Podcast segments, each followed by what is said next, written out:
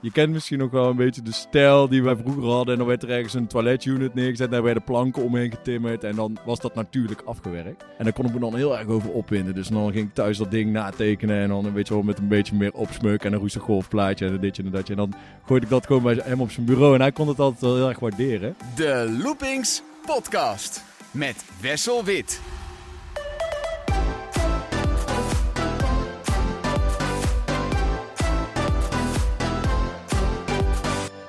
Van harte welkom bij de Loopings podcast vanuit Safari Park Beekse Bergen. Tegenover mij zit uh, Rick Merks. Hij is uh, ontwerper bij het moederbedrijf uh, Libema. Daar zitten meerdere dierenparken bij, daar gaan we het zo meteen over hebben. Rick, allereerst op wat voor prachtige plek zitten wij hier? Ja, we, we zijn op dit moment eigenlijk in het hart van het Safari Park. En we zitten best wel op een, op een mooie locatie, want we kijken hier niet alleen het Safari Park in, maar we kijken ook richting het Safari Resort. Um, ja, we, we, omgeven ons eigenlijk door bavianen, giraffen, springbokken...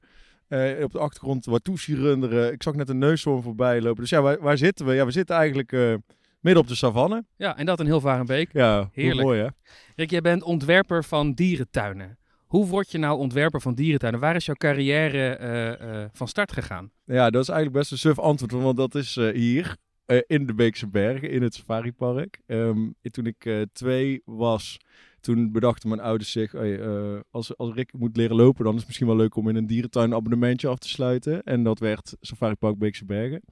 Uh, dus ik kom hier echt al sinds... Uh, ik, heb kan echt, lopen. ik heb echt leren lopen op de wandelsafari. En um, besloot toen al vrij snel, toen ik heel klein was, ik wil in een dierentuin werken. En dan het liefst in het safaripark. Uh, maar ik wilde vooral als mensapenverzorger werken. En dat kon hier niet, want die waren er niet. Tot 2006, toen kwamen hier mensapen. En toen stelde ik natuurlijk het doel bij, nou dan word ik mensapenverzorger in het safaripark. Um, en uiteindelijk heb ik daar een opleiding voor gedaan. Uh, en uh, ben ik hier begonnen als stagiair dierverzorging. Opleiding mensenaapverzorger? Een opleiding dierverzorger. Oh ja. Iets algemener. Ja, ja, ja, maar wel met het idee, dan kan ik die mensenapen eindelijk verzorgen. Dan komt eindelijk mijn Precies. jeugddroom uit. Ja. Die is uitgekomen, die jeugddroom. Uh, ja, deels. Ik ben uiteindelijk dus zes weken stage gaan lopen, op, wel op een andere afdeling. Ja. De hoefdieren savanne voor in het park. En toen dacht ik na zes weken, en dat werd me ook al ingefluisterd door uh, collega dierverzorgers, van nou, um, dit is misschien wel heel routinematig. En uh, Rick, misschien is dat niet helemaal iets voor jou, want je praat nogal veel. Uh, dus toen werd vriendelijk doorgewezen naar de, de educatieve dienst. Ah. En daar ben ik uiteindelijk tien jaar uh, ranger geweest. Ah, en, dus in plaats van verzorgen, want dat was eigenlijk, nou ja, plat gezegd te saai voor jou. Nou ja, dat moet ik niet zeggen, want ik vond het absoluut niet saai. Ik vond, het, ik vond het heel leuk, maar ik vond het vooral heel leuk om met een hark in mijn hand uh, naar mensen te praten die op de wandelroute stonden te kijken. en ik vond het ook heel erg leuk om uh, met de dieren bezig te zijn. Maar uiteindelijk is het vak van dierverzorging, en daar, daar heb ik eigenlijk alleen maar heel veel respect voor. Dierverzorgers is vooral uh, um, de dieren verzorg je in een dierentuin heel goed door er, vind, tenminste dat is mijn visie altijd, door er uh, eigenlijk zo min mogelijk contact mee te hebben. Door die dieren echt wilde dieren te laten. En je bent dus heel erg bezig met uh, uh, observeren. Is de gezondheid van je dieren goed?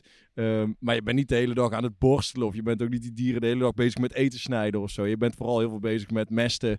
En ja, op afstand die, die dieren monitoren. En dat was voor mij gewoon ietsjes te ja, routinematig. Het was uh, elke dag kom je, de stallen zijn uh, helemaal vol met mest. Je doet de dieren naar buiten, je bent de hele dag stallen aan het mesten. S'avonds naal je die dieren naar binnen, dan heb je schone stal en dan ga je naar huis. En s ochtends kom je terug en dan zit alles weer vol met mest. En, ja, dat, dat cirkelt je gewoon de hele dag en, de, en, elke dag. En ik heb alleen maar heel veel respect voor mensen die dat wel uh, volhouden. Maar voor mij was het niet echt een, een droomcarrière. En toen heb je tien jaar lang gekletst hier voor je beroep. Ja, Prachtig, hè? Dat Ja. was echt uh, fantastisch. Maar ja, waar, waar mag je nou kletsen voor... Ja, jij mag ook kletsen voor je werk inmiddels. Uh, maar uh, ja, dat was fantastisch. Je krijgt je gewoon een bus uit de jaren tachtig. Ik moet ook zeggen, toen ik hier begon had ik geen rijbewijs. Oh. Dus toen mocht ik alleen op de boot op en neer varen en vertellen. Van, vanaf de boot over de dieren langs het Oh, je had geen vaarbewijs nodig voor de boot.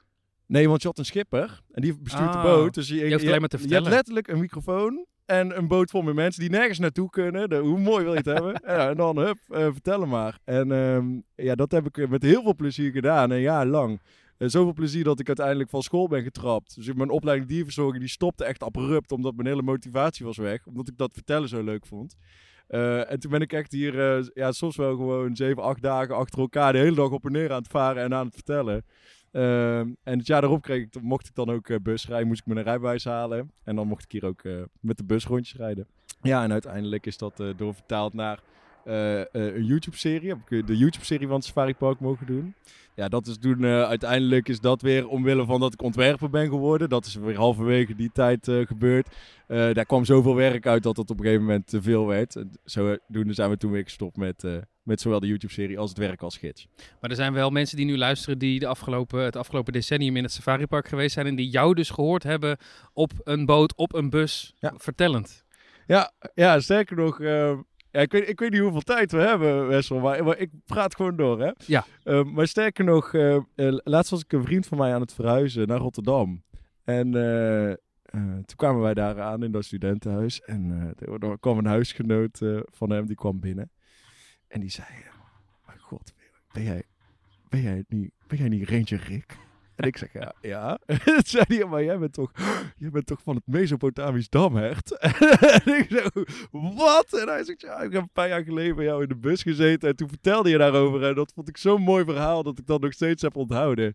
Eh, dus ja, dat, kan zijn Holy dat shit. mensen... En dan, en dan zeggen ze, wat doe je nu? En dan zeg ik, oh, ik ben ontwerper. Dus het kan zijn inderdaad dat je denkt, dat is de ontwerper. Oh, hè, daar heb ik ooit nog bij in de bus gezeten. Maar het kan dus zelfs zo zijn dat ik ineens eh, in je studentenhuis sta met een paar verhuisdozen. En dat je dan zegt, Je, ja, in tien jaar tijd kom ik natuurlijk best wel wat mensen tegen. hè. Maar er zijn wel hele leuke momenten, ja. Ja, en je hint er net al een beetje op, maar hoe is dan die overgang gekomen vanuit een eh, enthousiaste jongen die in een bus of een boot aan het vertellen is over eh, allerlei leuke dieren, naar daadwerkelijk hier, want eh, dat ben je nu, degene die mag bepalen hoe het eruit komt te zien. Nou, ik heb me daar best wel altijd druk over gemaakt. En ehm we, hadden, we hadden die destijds een vestigingsmanager, Jos van den Boogaard. En ehm, ik, eh, hij, had, hij had ook wel een heel erg open deurenbeles. Maar dus, eh, je mocht alles tegen hem zeggen. Je kon alles ventileren. En hij kwam ook heel vaak dingen vragen. En je kent misschien nog wel een beetje de stijl die wij, eh, die wij vroeger hadden. En dan werd er ergens een toiletunit neergezet. En daar werden planken omheen getimmerd. En dan was dat natuurlijk afgewerkt. En daar kon ik me dan heel erg over opwinden. Dus dan ging ik thuis dat ding natekenen. En dan weet je wel, met een beetje meer opsmuk en een roestig golfplaatje en een ditje en datje. En dan gooide ik dat gewoon bij hem op zijn bureau. En hij kon het altijd wel heel erg waarderen. En eh, op een gegeven moment waren we hier de Nelpaarden en Krokodillen aan bouwen in 2014. En dan ging ik ook vaak eh, gewoon na werk op die bouwplaats gewoon rondlopen. Weet je, ik was daar helemaal niet gewenst of zo. Maar ik ging gewoon lekker even kijken van waar zijn ze allemaal aan het bouwen. En ik vond het allemaal heel interessant. En uiteindelijk heeft Sjors eh, aan mij gevraagd, meer van, zou je het niet leuk vinden om ontwerper bij ons te worden?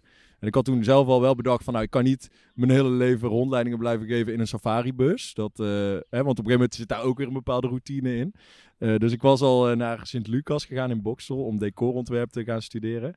En daar was ook een, een leraar die tegen mij zei van, nou ja, dat, dat is misschien wel een heel goed idee, weet je. Misschien moet je daar eens gewoon op gaan focussen. Misschien kun je wel dierentuinen gaan ontwerpen. En eigenlijk was het advies vooral van heel veel andere docenten van, doe dat niet, want daar is helemaal geen werk in. Eh, maar ja, toen kwam dus die, die vraag van George van, eh, nou, zou, zou je misschien bij Libema in dienst willen komen om je te focussen op die dierentuinen? Eh, omdat we Zoopark Overloon en Aquazoo Friesland overnamen in 2015. Dus ineens hadden we vier dierentuinen en was er echt wel behoefte aan ja, iemand die dat intern een beetje ging bestieren.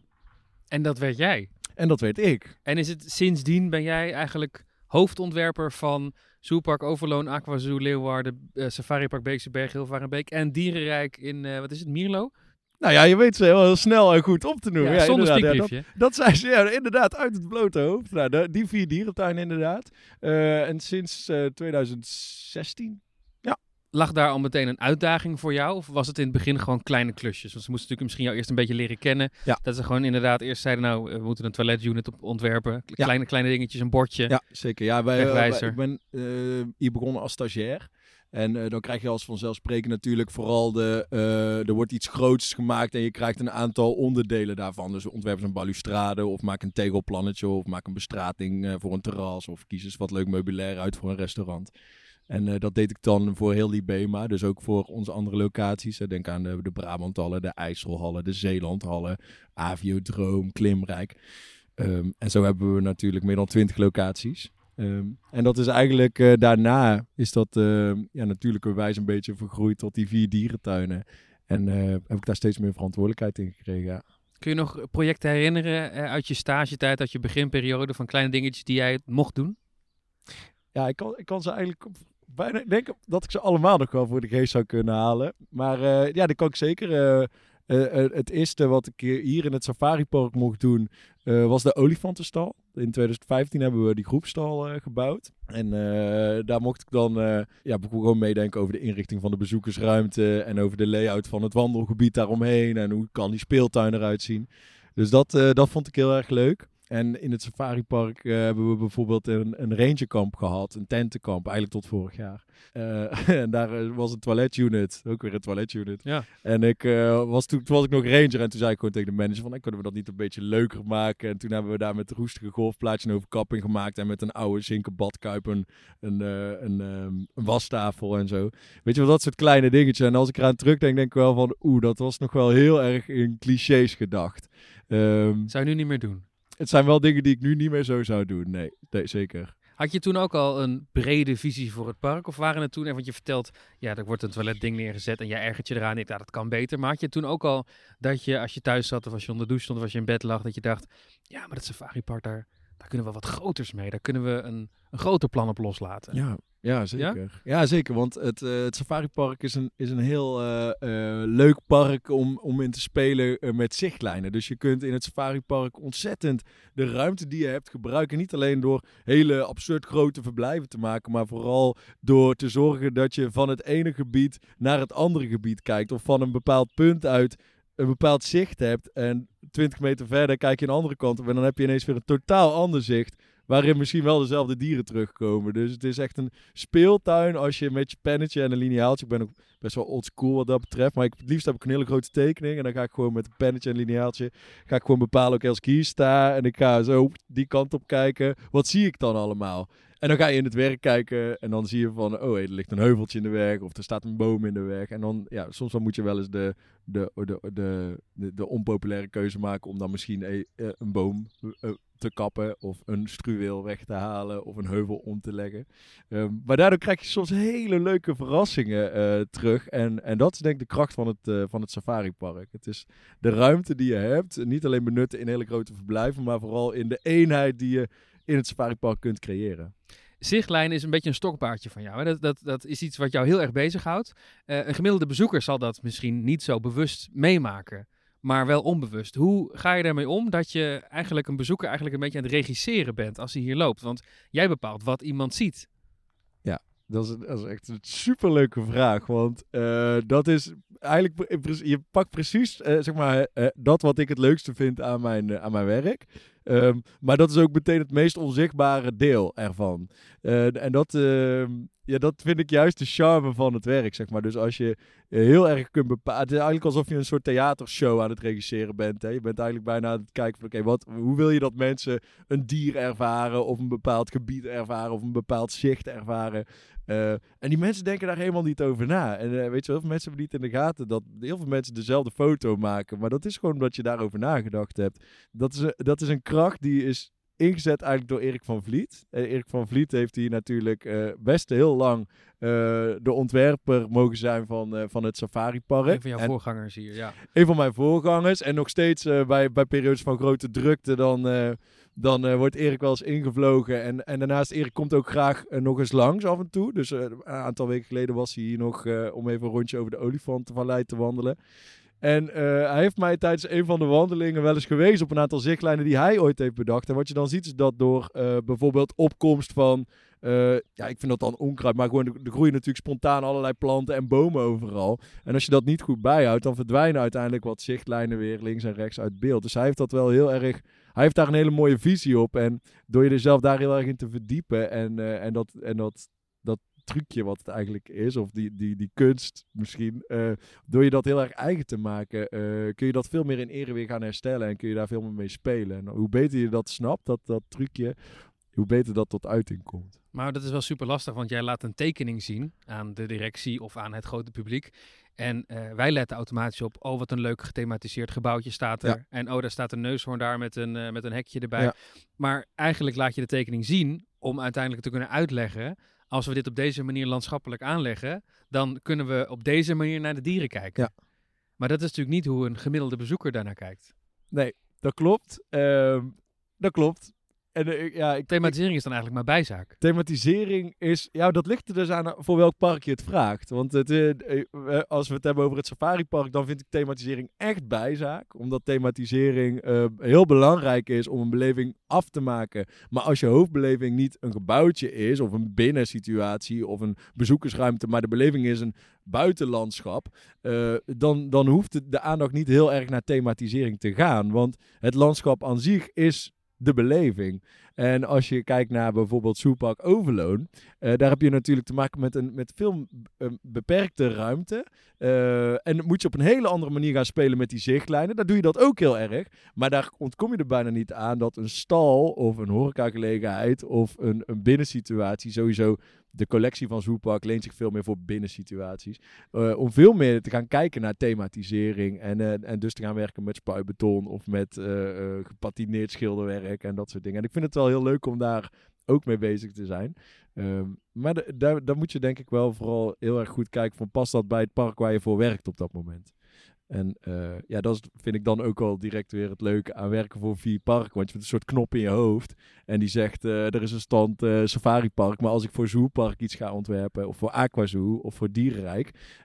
dan gaat er een knop om en dan ga je op een andere manier kijken naar je gebied. En daarin moet ik wel eerlijk zeggen, zijn zichtlijnen voor mij altijd wel belangrijk. Maar is de mate van thematisering of de manier van thematiseren uh, per park wel compleet verschillend. En dat moet ook wel, want anders zou je een eenheidsworst uh, krijgen van vier dierentuinen. En uh, ja, in, in een dierentuin dicht land als Nederland denk ik dat je dat moet voorkomen. Moet je niet gaan copy-pasten van elkaar.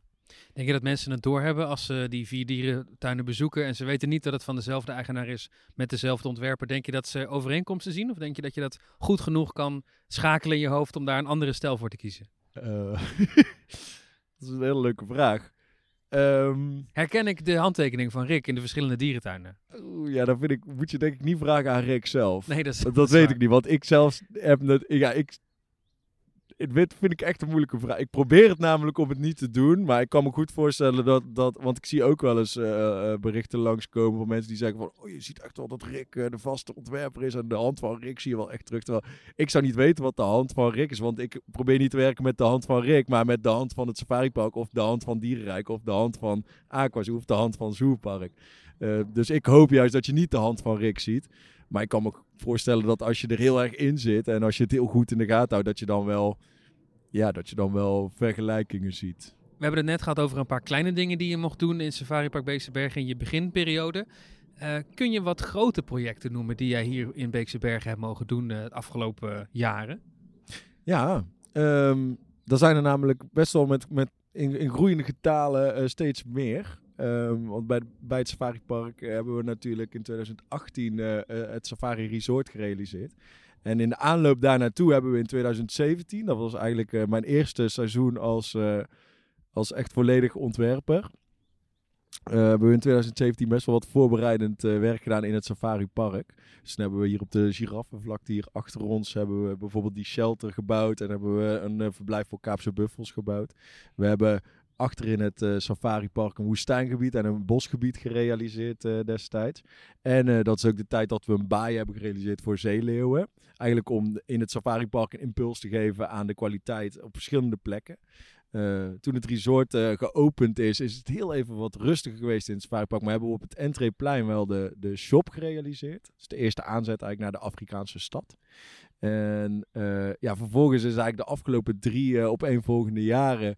Uh, na de coronacrisis, of eigenlijk een beetje tijdens de coronacrisis zelfs wel, hebben we uh, de oude safari-ingang verlegd. Hebben we vervolgens het Zwarte Neushoorngebied gerealiseerd. Vorig jaar nog, dus in 2022, uh, de savanne van de, van de breedlipneushoorns hebben we intensief verbouwd.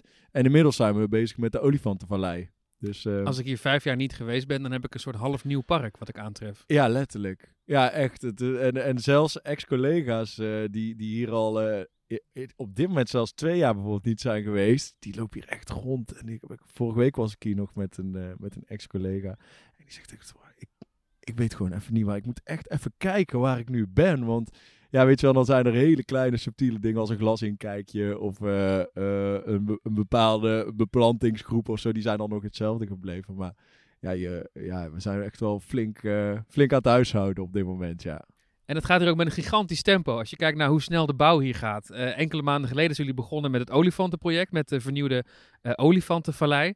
Eh, we zijn er net doorheen gelopen. Er moet nog van alles gebeuren, maar ja, komende zomer is het waarschijnlijk af. Hoe kan het dat het hier allemaal zo snel gaat qua bouw? Nou, dat heeft, eh, dat heeft denk ik al verschillende redenen. Ehm, en dat begint eigenlijk enerzijds eh, met een eh, visie. Als je het met z'n allen over eens bent, waar je je stip op de horizon zet. En wat, wat in grote lijnen de plannen zijn, dan, dan kun je vrij gemakkelijk schakelen. Ehm, en daarnaast, er zit eigenlijk bij al die projecten wel een, een hele intensieve voorbereiding gaat daaraan vooraf. Hè. Het is natuurlijk niet dat als je begint met bouwen, dat je dan ook nog moet gaan bedenken wat je gaat bouwen. Dus dat scheelt al veel. En de lijnen zijn heel erg kort. Dus je hebt, eh, denk ik, binnen Libema, eh, dus het moederbedrijf van, eh, van Safari Park onder andere, eh, heb je hele korte lijntjes, omdat er vrij... Die, die organisatie heeft niet ontzettend veel lagen met bureaus eh, onder elkaar. Dus eh, als er een project wordt geïnitieerd, dan is dat vaak in overleg met de directie. En eh, kun je vragen, budgetten en dergelijke, kun je allemaal eh, heel, in een hele snelle manier en op een, op hele korte lijn met elkaar afstemmen. En dat bevordert gewoon heel erg de uitvoering van zo'n project. Eh, en dan in het laatste geval van de olifantenvallei. In dit geval hebben we ehm, ja, ook best heel erg eh, eh, ook- wel de, de, de komst van de kalfjes natuurlijk. Die eh, Ja, ja, want voor er, extra motivatie zorgt om komen het heel nieuwe snel te realiseren. Ehm, ja, er komen nieuwe olifantjes aan. We hebben, we hebben op dit moment drie drachtige olifanten. En eh, ja, dat is, dat is een unicum. Ehm, maar ja, we verwachten het eerste carnaval in eh, oktober. ja, dan moet alles af zijn. Dan moet alles af zijn. En we hadden de ambitie om de stal ook uit te breiden. Nou, we hebben met z'n allen gezegd, het is totaal niet handig om een stal te gaan verbouwen als je een paar kalfjes in de groep hebt. Het is ook niet handig om dat vlak voor de bevalling te doen, hè, want dat kan natuurlijk zorgen voor stress. Eh, dus we moeten dat proberen af te ronden voor de bouwvak. dus dan ga je heel praktisch denken. hè. Nou, dan ga je vanaf de bouwvak terugrekenen. Dan zeg je van oké, als we voor die tijd een stal willen en een buitenverblijf, ja, dan moeten we nu heel snel gaan schakelen. En eh, ja, dan gaan we gewoon kijken eh, of, we het, of we het kunnen realiseren. En vooralsnog ziet dat er eh, super positief uit. En ehm, ja, gaat het eigenlijk eh, hartstikke goed. Ik vind die korte lijntjes interessant. Dus is het echt zo dat jij iets kan tekenen en het dan met, zelf aan de directie kan presenteren? Ik weet van andere parken dat daar 38 vergaderingen overheen gaan, maar dat is hier niet het geval. Nee. Nee, absoluut niet. Eh, en, en dat is ook wel, vind ik heel erg de charme. Ik doe, doe, dat, ik, ik, zou, ik doe dat ook eigenlijk het liefste. Het liefste doe ik eh, een, schets die ik heb, eh, presenteren en, en het goede verhaal erbij vertellen. En dan merk je ook dat het draagvlak veel groter is en dat de overwegingen veel beter worden begrepen. En het lijkt mij verschrikkelijk als daar heel veel lagen tussen zouden zitten.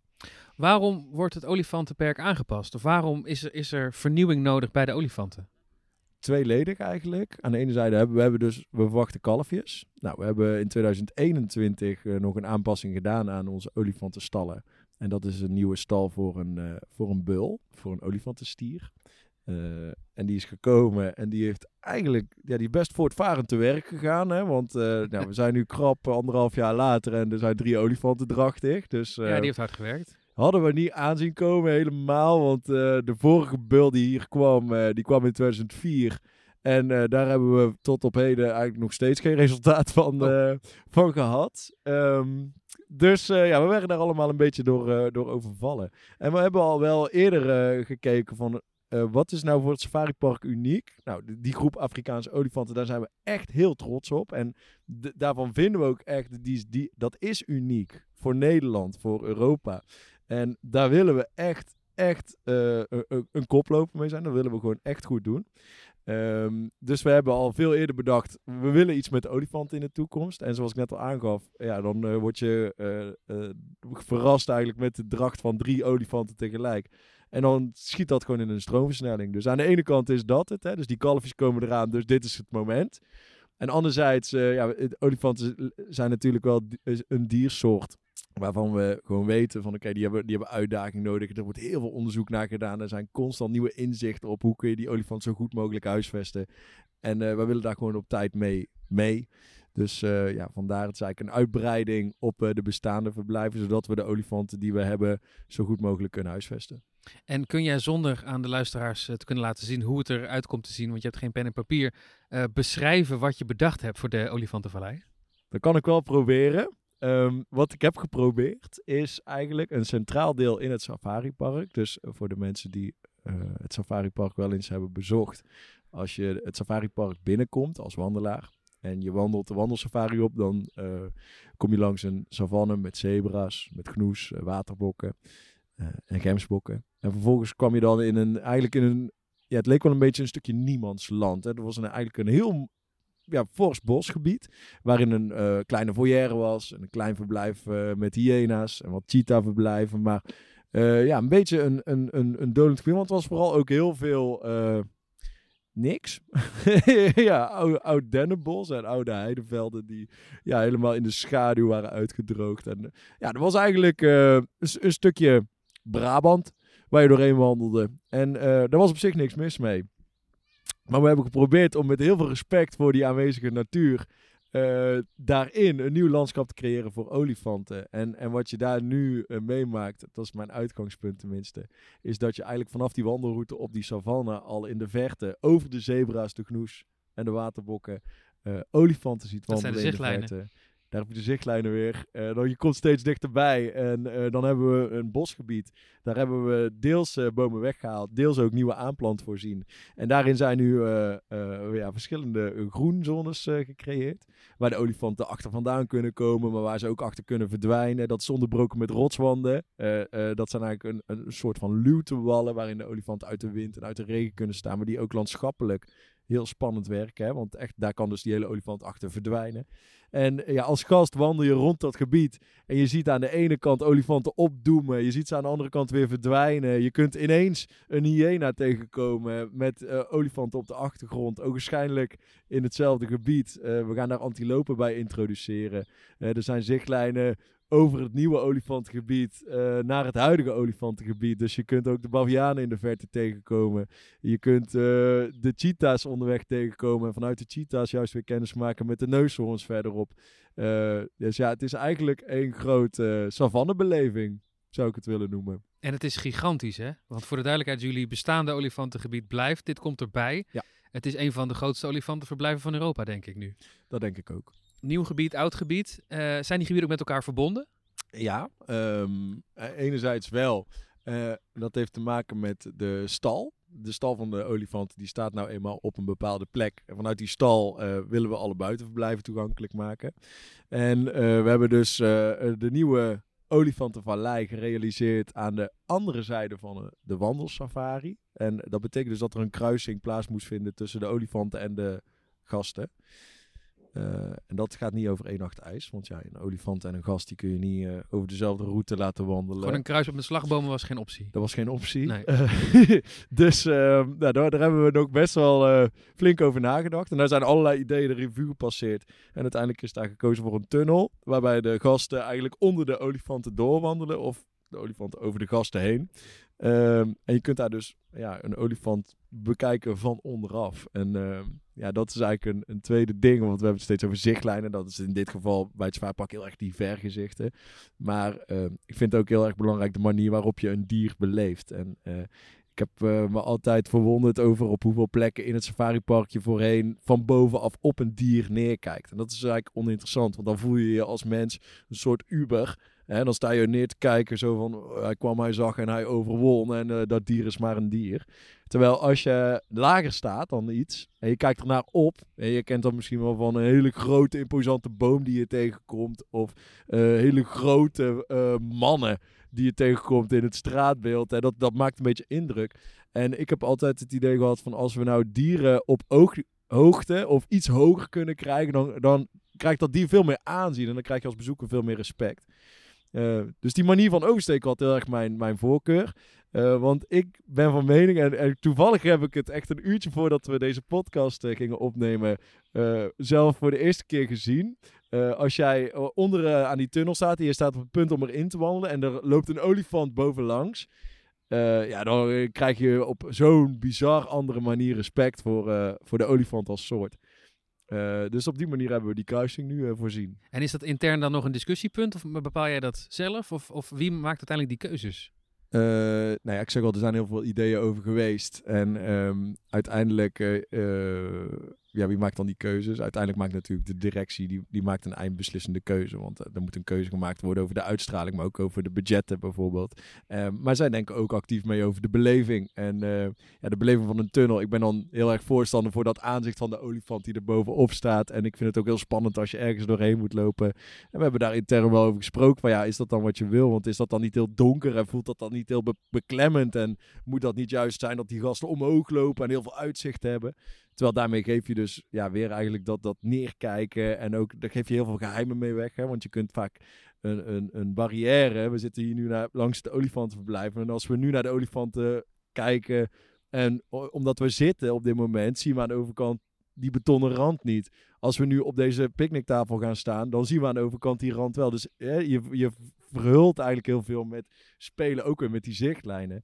Um, en uiteindelijk hebben we gelukkig uh, een, de directie kunnen overtuigen om uh, te kiezen voor een tunnel. Ja, gigantisch project. Komende ja. zomer is het af. En dan is het safaripark helemaal klaar. En dan zit Nee. jouw werk erop. Nee? nee, dan is het safaripark nog niet klaar. Ik denk dat, en, en dat is het prachtige aan eh, eh, dierentuinen. Dierentuinen zijn nooit klaar. En eh, ook al heb je een state-of-the-art dierentuin en bouw je hem helemaal nieuw, zoals eh, recent in Emmen.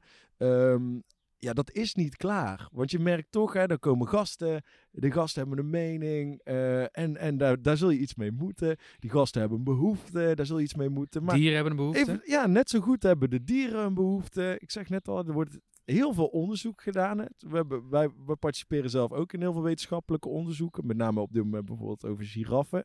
Eh, nou, er komen inzichten uit naar voren en daar zul je iets mee moeten. En er is een, bepaalde wens vanuit een directie of een management. Eh, en daar zul je iets mee moeten. Er is een bepaalde eh, bebouwing en die heeft onderhoud nodig. En daar zul je iets mee moeten. Dus je, je kunt denk ik voor altijd dingen blijven doen. En nu is er even een tijdperk waarin ik dan hier ja, mezelf mag inzetten om het vorm te geven.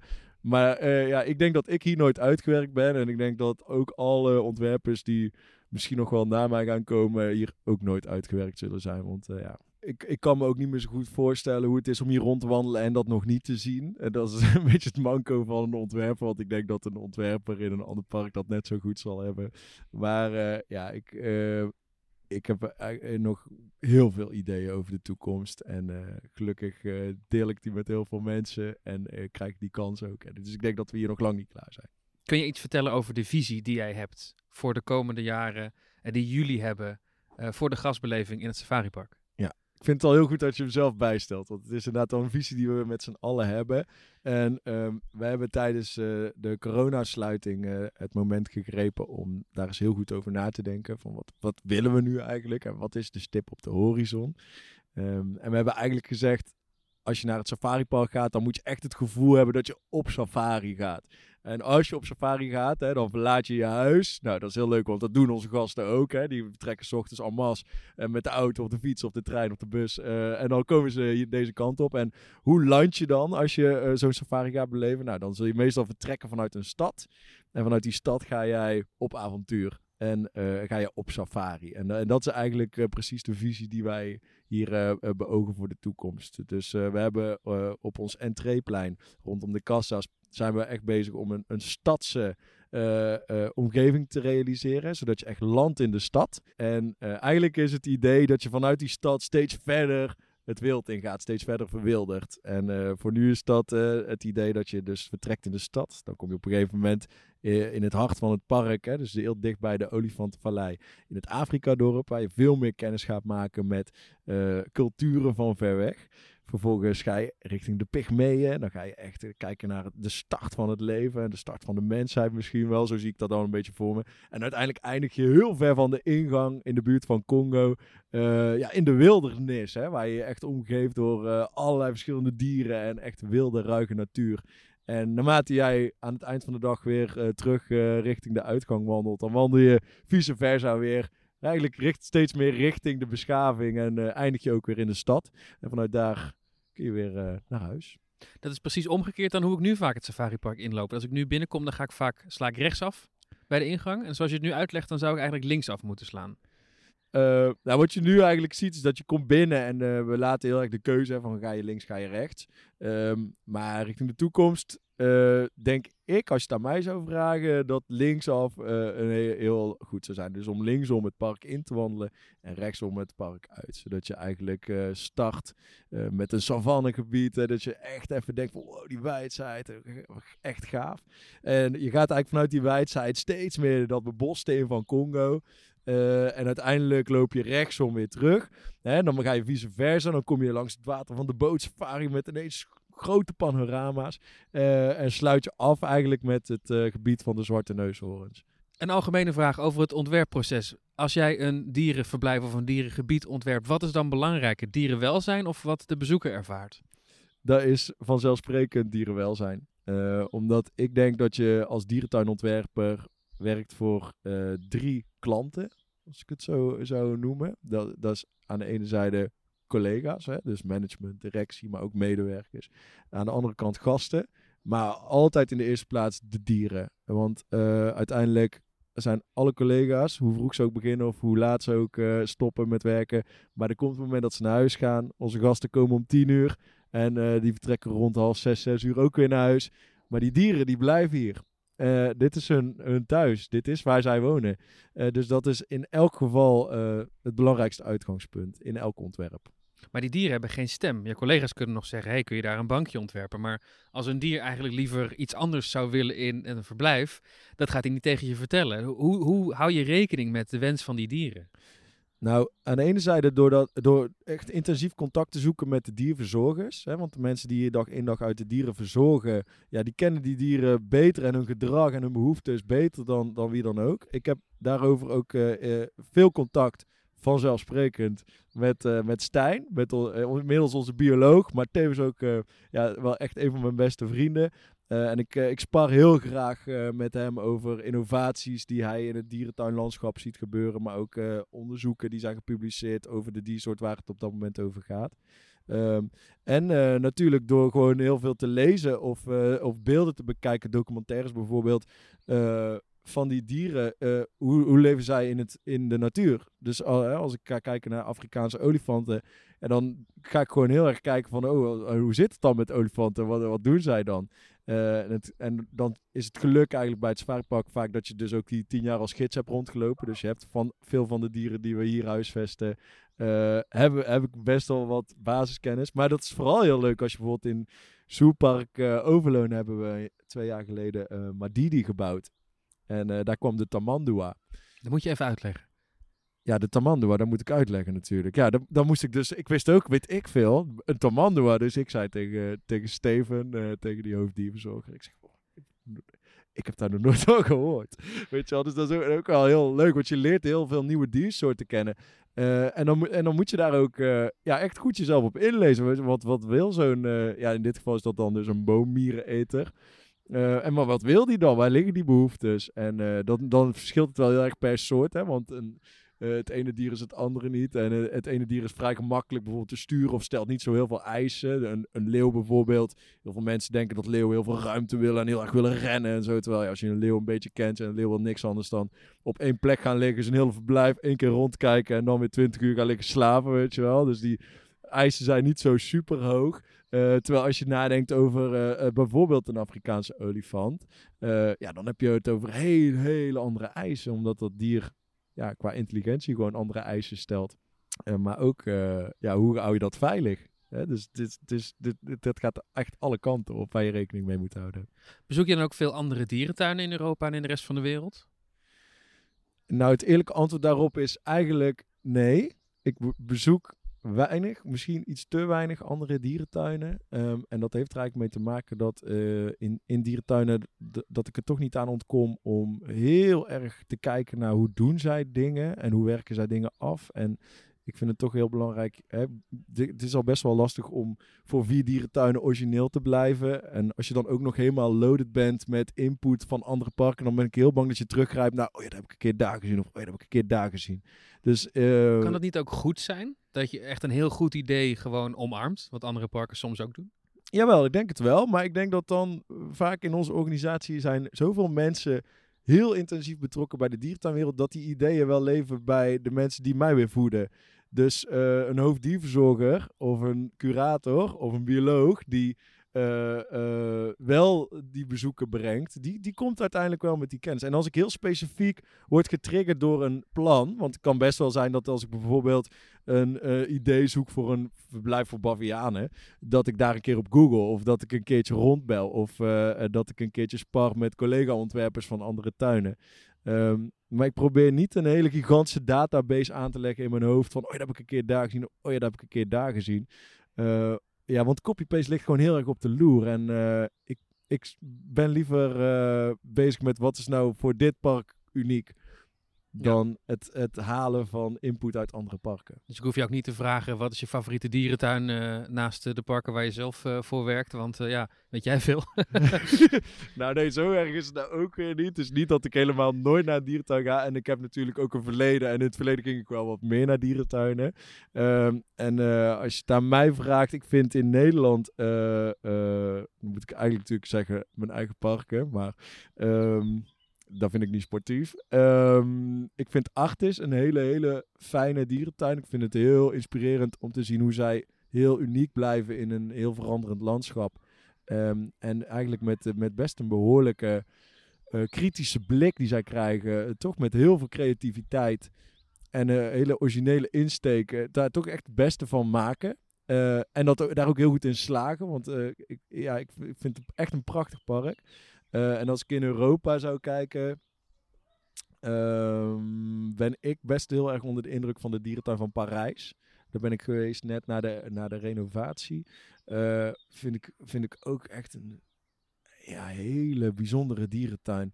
Eh, als het gaat om hoe zij de uitstraling hebben gepakt. En je loopt daar eigenlijk langs een soort schilderij. Ik weet niet of jij er wel eens bent geweest. Ja, dat is, dat is echt tof. Je loopt daar langs een soort eh, hele grote schilderijlijsten. En ze hebben daar die zichtlijnen dus zo geregisseerd, maar echt bewust heel erg omkaderd.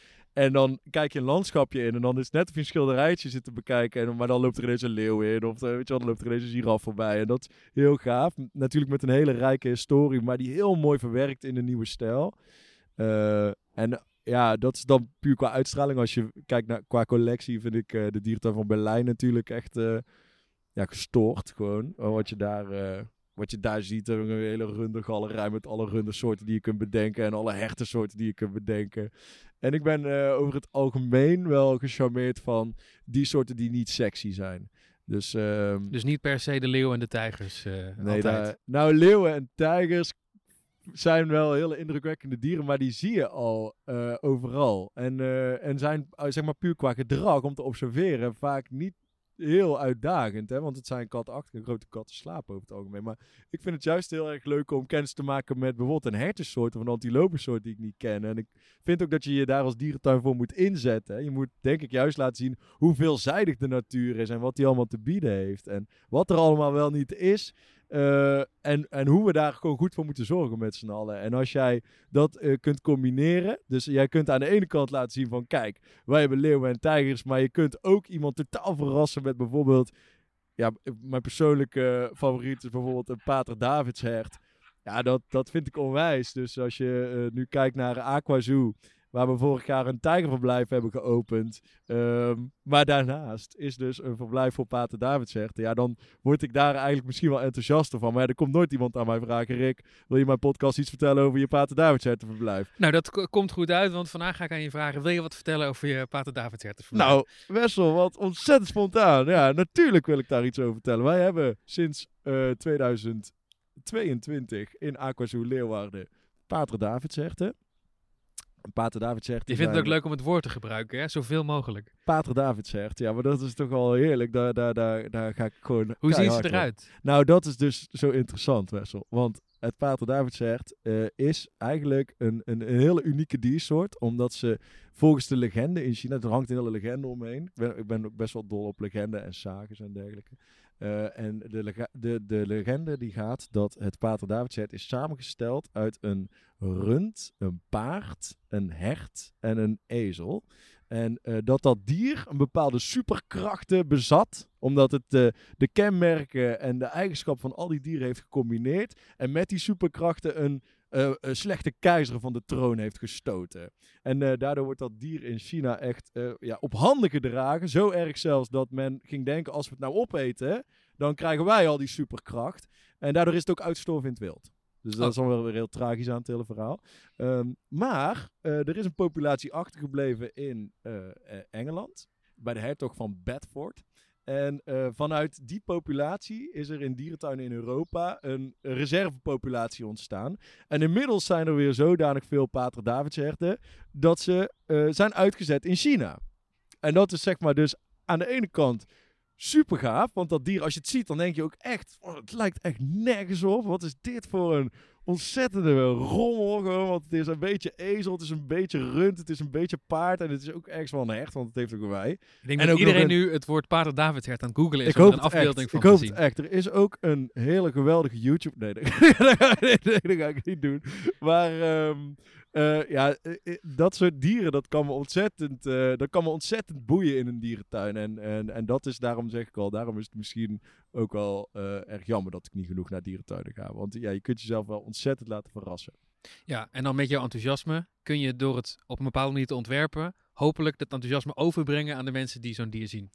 Ik was natuurlijk aan het vertellen over het verblijf in Aquazoo Leeuwarden. Daar Ja. vergat ik helemaal. In Ja, er zaten ook nog tijgers over- en zo. over het enthousiasme, in het enthousiasme over het verhaal. Nou, eh, in Aquazoo hebben we eh, bedacht om eh, gebieden te maken. Die zijn gebaseerd op stroomgebieden van rivieren. En we hebben daar vorig jaar dus het Amourgebied gerealiseerd. Compleet gebaseerd op het stroomgebied van de Amour. Waar de Amourtijger voorkomt. Maar bijvoorbeeld ook het Pater Davidshertz zeer waarschijnlijk heeft voorgekomen. Want ja, we weten dus niet precies waar dat dier heeft geleefd. Omdat het uitgestorven is. Ehm, maar dat vind ik heel gaaf. En dan kun je dus heel erg de veelzijdigheid van zo'n gebied laten zien. En eh, dat gebied is heel drassig, heel moerassig. Het is echt een moerashert. En ja, dat was heel leuk om te ontwerpen. Want eh, ja, ik ben best wel voorstander van dat dier. Ik vind dat een hele gave diersoort. En dan ga je dus heel erg kijken van, kan ik nou voor die paterduitzetten zo aangenaam mogelijk maken. En eh, ja, dat lijkt eigenlijk heel erg goed gelukt. Dus eh, daar ben ik er erg trots op. Het Pater Davidshert heeft de Chinese naam Tie Butang.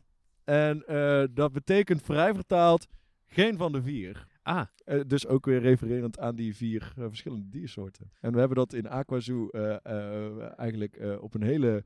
Ja, ik vind het zelf eh, heel leuk. Op een hele leuke manier eh, eh, vertaald eigenlijk naar een soort stripverhaal. En dat stripverhaal is eigenlijk een soort tijdlijn van die hele legende die rondom dat eh echt hangt. En eh, volgens de legende heeft het ooit nog geleefd in de tuinen van de Chinese keizer. En aan het eind van het stripverhaal vind je dus ook een soort keizerlijke uitkijktoren. Waarin je dan zelf eigenlijk langs de schutting van de paleistuin jezelf eh, even de keizer kan wanen en over de muur kunt kijken. Zoals Pater David ze eigenlijk ontdekt heeft. En dan ontdek je dus het Pater David zegt. maar dit is echt storytelling. Dit is echt storytelling. En dat, ja, ik, ik zeg net al, het is heel erg de dierentuin waar je voor werkt. En kijk, ik denk dat eh, als je het hier hebt, bijvoorbeeld ook over de stad eh, Moburu. Ja, ik, ik heb In je net laten ja. zien. Hè, de, je hebt de ingang van de autosafari. Je hebt de, de uitgang van het Zwarte Neushoorngebied. En we refereren op steeds meer plekken naar die stadsnamen. En dat is ook een stukje storytelling. Alleen de ene keer is het wat meer in your face dan de andere keer. En soms is het heel verhalend. En bijvoorbeeld bij de Indische neushoorns in Dierenrijk is het juist heel erg eh, gewoon kinderlijk. Gewoon heel, ja, een beetje vrolijk, aansprekend. Met leuke kleurtjes, vrolijke afbeeldingen. En gewoon proberen spelende wijze iets te leren. En, en dat is niet per se een verhaal wat je door iemand strot wilt duwen. Maar wel ja, een manier van vertellen. Dus ja, storytelling. Ik denk dat dat ook een heel belangrijk eh, onderdeel is van een goede dierentuin en een goede educatie vooral. En nu zitten we dus in Safari Park Beekse Bergen. Is dat het park eigenlijk van de vier met de minste storytelling in het ontwerpproces? Nee, eh, ik denk dat het Safari Park eh, weer op een hele andere manier hebben we hier storytelling. Eh, bijvoorbeeld eh, met de Afrikaanse stad. Maar ook eh, richting de dierbeleving hebben we bijvoorbeeld de Coltan-mijn bij de gorilla's. Hè, waar je eigenlijk vanuit een parkranger via een videoverbinding uitleg krijgt over de problematiek met coltanmijnen. Ehm maar recent ook bij de Zwarte Neushoorns hebben we een, hebben we een stropershut gerealiseerd. Waarin je echt in, in een gesprek tussen een stroper en zijn opdrachtgever terechtkomt middels een hoorspel. Eh, en waarin je echt eh, ervaart van, oh wacht eens even, die, die stroper is niet per se de bad guy, weet je. Die, die moet ook gewoon iets doen om rond te komen. En die heeft gewoon helaas voor het verkeerde pad gekozen. Maar het is heel vaak goed om eh, aan mensen te leren en te laten zien of horen of ervaren...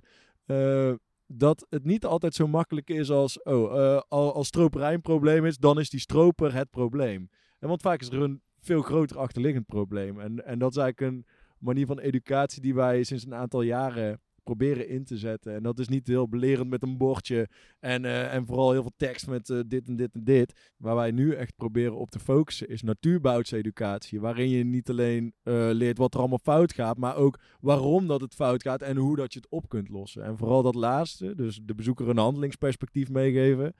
dat is wel iets ja, waar wij echt proberen aan te werken. Ja, en dat op een verhalende manier in plaats van een bordje. Juist.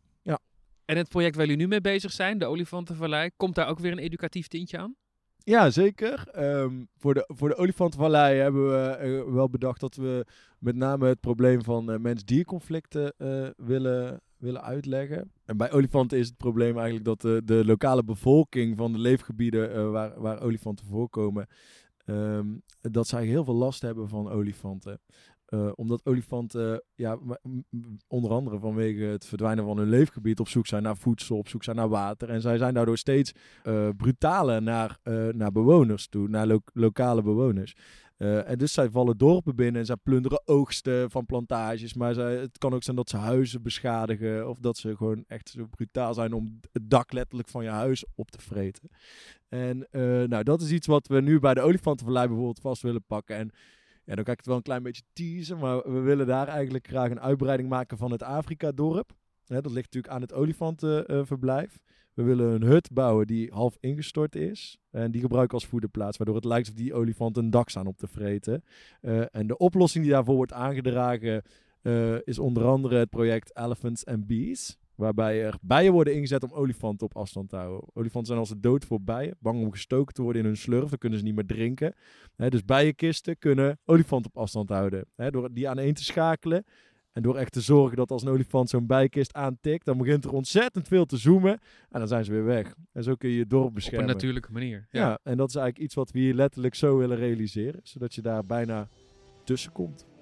Het Olifantenproject komende zomer moet het af zijn. Iedereen die geïnteresseerd is, die kan komen kijken. Die kan uh, komen beleven hoe uh, Safari Park Beekse Bergen de afgelopen jaren gigantisch is veranderd. En er zijn nog drie andere dierenparken waar ze naartoe kunnen als ze jouw werk willen zien. Ik denk dat we nog drie uur kunnen doorpraten. Ik denk, jij bent iemand die eeuwig kan vertellen over alles wat je fascineert op een hele leuke manier. maar het gaat regenen, dus laten we een eind aan brengen en laten we volgende keer verder gaan. Nou, dat lijkt me ontzettend leuk. Dankjewel voor het gesprek. Dankjewel voor jouw tijd. Je luisterde naar een aflevering van de Loopings podcast. Heb je vragen of opmerkingen? Mail dan naar podcast@loopings.nl. En wil je geen afleveringen missen? Abonneer je dan via de verschillende podcast-apps zoals Spotify. Bedankt voor het luisteren en graag tot de volgende keer.